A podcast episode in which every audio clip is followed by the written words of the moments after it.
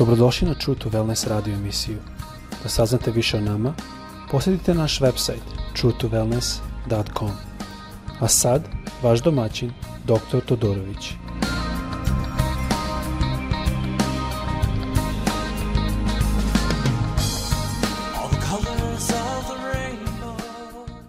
Ljubaznim pozdravljam sve iz Florida, dakle radimo ovaj podcast – Želim se izvinut, moj srpski, kao što znate, nije najbolji. Mnogo puta razmišljam kako li to nekom koji govori perfektan srpski kad me čuje. Ali opet svačate i razumete da sam ja odrastao u potpuno drugoj zemlji, odrastao sam na zapadu. Tu sam se i obratio, ne kroz neku crkvu, nego više čitanju reči Bože. I onda svakako sam počeo ići u crkvu. I tako da Sa jedne strane, možda to gospod je i tako planirao, zato što to da jednu novu, novi pogled, da ja mogu prići to isto temi sa drugim načinom nego neko koji je odrastao u Srbiji. Danas bih želao da govorim o spoljašnoj pobožnosti.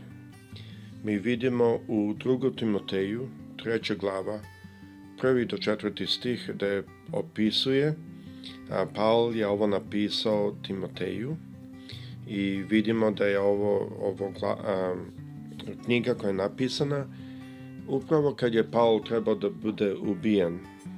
I tako da je to prilično a, jedna od zadnjih knjiga koje su pisane.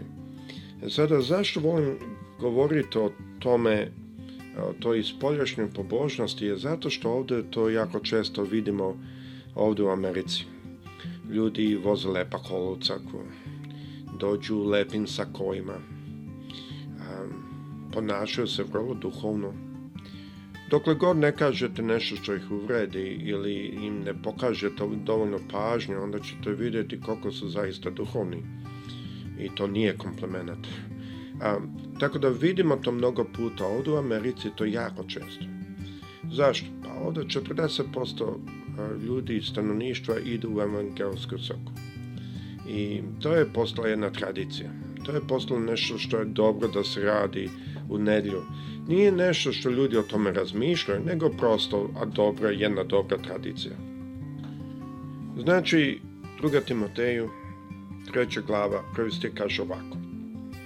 A ovo znaj, u poslednje dane nastat teška vremena i ljudi će biti samoljubivi, sredoljubivi, hvalisavi, oholi, hulitari, nepokorni roditeljima, nezahvalni, bezbožni, bezosećajni, nepomirljivi, nepomirljivi klavetnici, neuzdržljivi, surovi, bez ljubavi prema dobru, izdajnici, naprasati, obraženi, više će voleti nasladu nego Boga. Dok sam čitao ovo, razmišljao sam Jedna od stvari što mi prvo upalo je, ako bi mi pitali danas Hrišćane, koji su najopasniji gresi, mi bi najverovatnije došli sa ubijstvo, krađa, preljuba. Ne znam zašto današnje crkve su jako zauzete sa preljubom, aborcija. I ne kažem da su to dobre stvari, Bože sačuvaj. Ali to nije na što je Pavel ovdje upozoravao. Zašto? To su gresi koje ljudi vide. To su gresi koji svako zna da su gresi. Ali ovo što je Paul ovdje upozoravao e, je puno teže. Zato on kaže u prvom stihu, a ovo znaj, u poslednje dane nastaće teška vremena. Teška za šta? Za crkvu.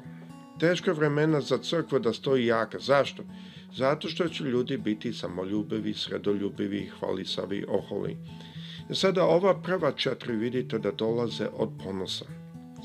Ljudi su samoljubivi zato što oni pokušavaju da zaštite nešto u sebi. Psihologija nas uči da mnogo puta to pokazuje da oni u stvari pokušavaju sebe zaštite, verovatno da je bilo u prošlosti povreda neka i zato to traže tu zaštitu i onda više i više i više sve samo sebe održavaju i počnu biti egoistični, kao što mi kažem danas, a kaže naravno sreboljubivi.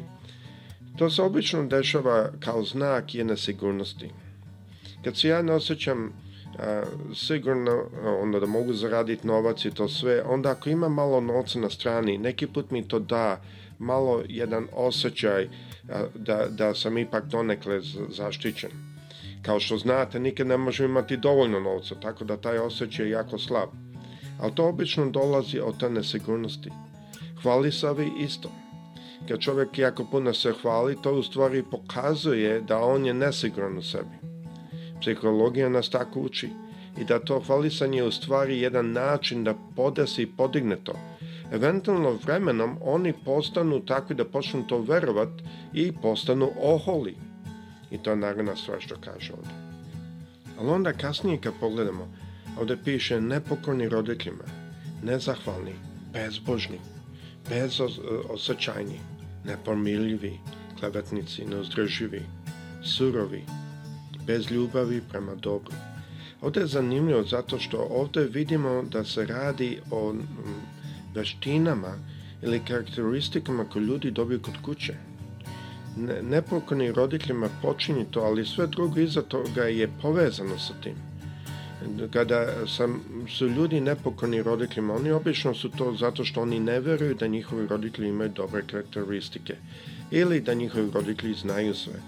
E sada mi svi znamo da naši svi roditelji nisu perfektni, nismo ni mi, ali kada ljudi nisu spremni da saslušaju svoje roditelje, onda bilo što da im roditelji daju, a to isto ne vredi ništa, zato ovde kaže naredno nezahvalni. I taj jedan stav, mnogo puta odvoji ljude od, od Boga. Bezbožni. Znači, nepokorni roditeljima, nezahvalni, bezbožni. To je sve vezano. I to napravi da takvi ljudi budu bez osjećaja. E sada vidite, mnogo puta mi kada vidimo nekog prvi puta, kako je pao, kako je povrađen, mi želimo da uskočimo da pomognemo. A to nisu takvi ovi ljudi. I e, kaže, nepomirljivi, klevetnici, neuzdrživi, surovi, bez ljubavi prema dobru. To se vidi u tome jer kad je čovjek nepomirljiv, drugim rečima čovjek nije spreman da oprosti. Zato bi nepomirljivost došla. Onda su to ljudi koji drže o sebe i imaju jedan pogled koji nije u stanju da vidi i prepozna dobre stvari u drugima. I taj pogled pravi da ljudi nemaju ljubav prema dobru, prema dobrim idejama, prema onom što je dobro. I onda kaže ovde u četvrtom stihu izdajnici, naprositi, uobraženi, više će voleti nasled nego Boga. Ovde se radi o lojalnosti. Ovde se radi o tome da ovi ljudi nemaju lojalnost. Ne znaju kome pripadaju. To moramo paziti, to može biti u svakoj crkvi. To može biti svuda. Vidimo peti stih kaže ovako. Prividno će se po božnosti, a poricat će njenu silu. Ja sam to video ovde, bez razlike kako je vaše mišljenje o Trumpu, jer znam da on, barem što se tiče Srbije, neke dobre stvari je radio. Ali što se tiče njegovog hrišćanstva, on je ovde govorio da je hrišćanin zato što mu je to davalo glasove. Ali ima mnoga snimanja koje su ljudi snimili potajno, koji pokazuju da je se Trump izigravao i ismejavao hrišćanima. A kad je napolju, kad govori, sve je on, on je hrišćan. Da, zaista. 19 žena su ga optužili da ih je silovo. Hrišćan, da. Kaže, da peti stih završim, ovako opet kaže, privino će se držati pobožnosti, a poricat će njenu silu. Kloni ih se tu vidimo vrlo jasno šta kaže reč Božja. E sada, ako ja nalazim nešto toga u sebi, vidjet ćete, ja možda ste primetli da većinu ovih karakteristika dolaze od neke vrste nesigurnosti, ne, nepravilnog odrasta ili neke vrste fobije ili da kažemo straha. Strah je jako dubok u našoj psihi, mnogi ljudi ne svačuju. Nije to samo pitanje da se ja fizički plašim nečega nego ko sam ja, kakav sam, kakva će biti budućnost. Kad razmišljam s ovim stvarima, vidimo da reč Božja nas uči u 2. Timoteju, prva glava 7. stih da kaže Bog nam na, nije dao duha straha, nego sile, ljubavi i obnovljenog razuma, kaže na grečkom. Ovde vidimo šta i kako trebamo krenuti, odakle trebamo krenuti. Mnoge ove karakteristike dolaze zato što nama stoji jedna fobija. I što Bog želi je da se otarasimo te fobije, jer dok imamo fobiju mi ne možemo imati veru. Nego da se otarasimo straha, Bog nam nije dao da budemo strašljivi, nego nam je dao silu kroz koju dolazi vera, ljubav i novo ili obnovljen razum. Sada naredni put ćemo malo razmatrati ovo kroz 2. Timoteju 4. glava i 3. stih, da vidimo malo više o šta rade takvi ljudi. E sada jako je bitno da shvatimo ovo. U svakoj crkvi će biti oni koji će stavljati više vrednosti na spoljašnosti nego na unutrašnjost. U svima nama postoji isto taj tendenci da se pokažemo više na spoljašnost nego na unutrašnjost. Cilj nije u tome da kažem, o, pa onda ja ne pripadam evanđelju ili što god, vidi što me hvata, ja nalazim nešto tu. Cilj je u tome da mi sve više i više radimo na nama, da hodamo u jednoj veri. Ako hodamo veri, onda nećemo imati strah, nećemo imati fobiju, kao što ste vidjeli, fobija mnoge od ovih stvari izaziva, onda nećemo imati takve probleme, nego ćemo znati da Bog nas ljubi, da je Bog velik, da je Bog jak, I ako on nas ljubi, onda šta je bitno šta drugo ko misli. I kad dođemo na taj stepen, onda drugi će upravo misli dobro o nama. Zato što nećemo shvatiti, ali naše ponašanje će to reflektirati. Tako da nas ovde Bog uči.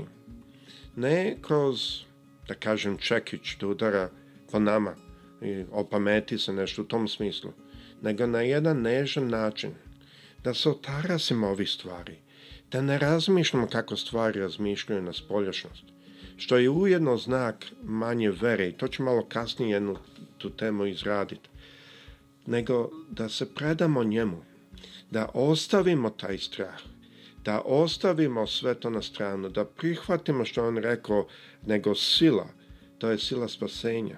To sam ranije govorio, možete pogledati, ja verujem da je to u memoriji negde na ovom podcastu.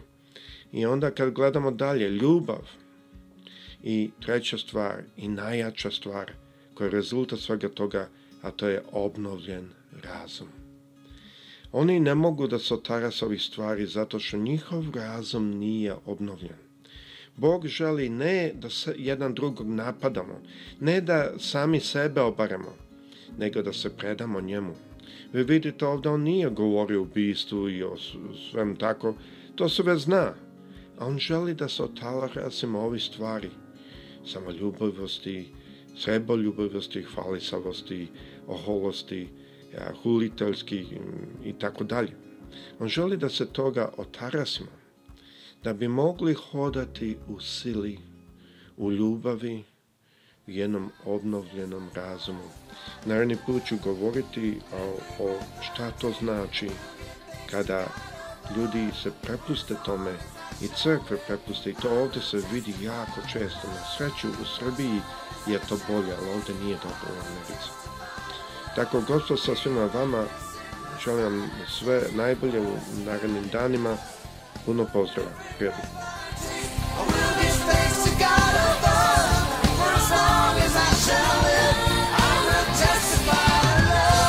Slušajte True to Wellness radio emisiju.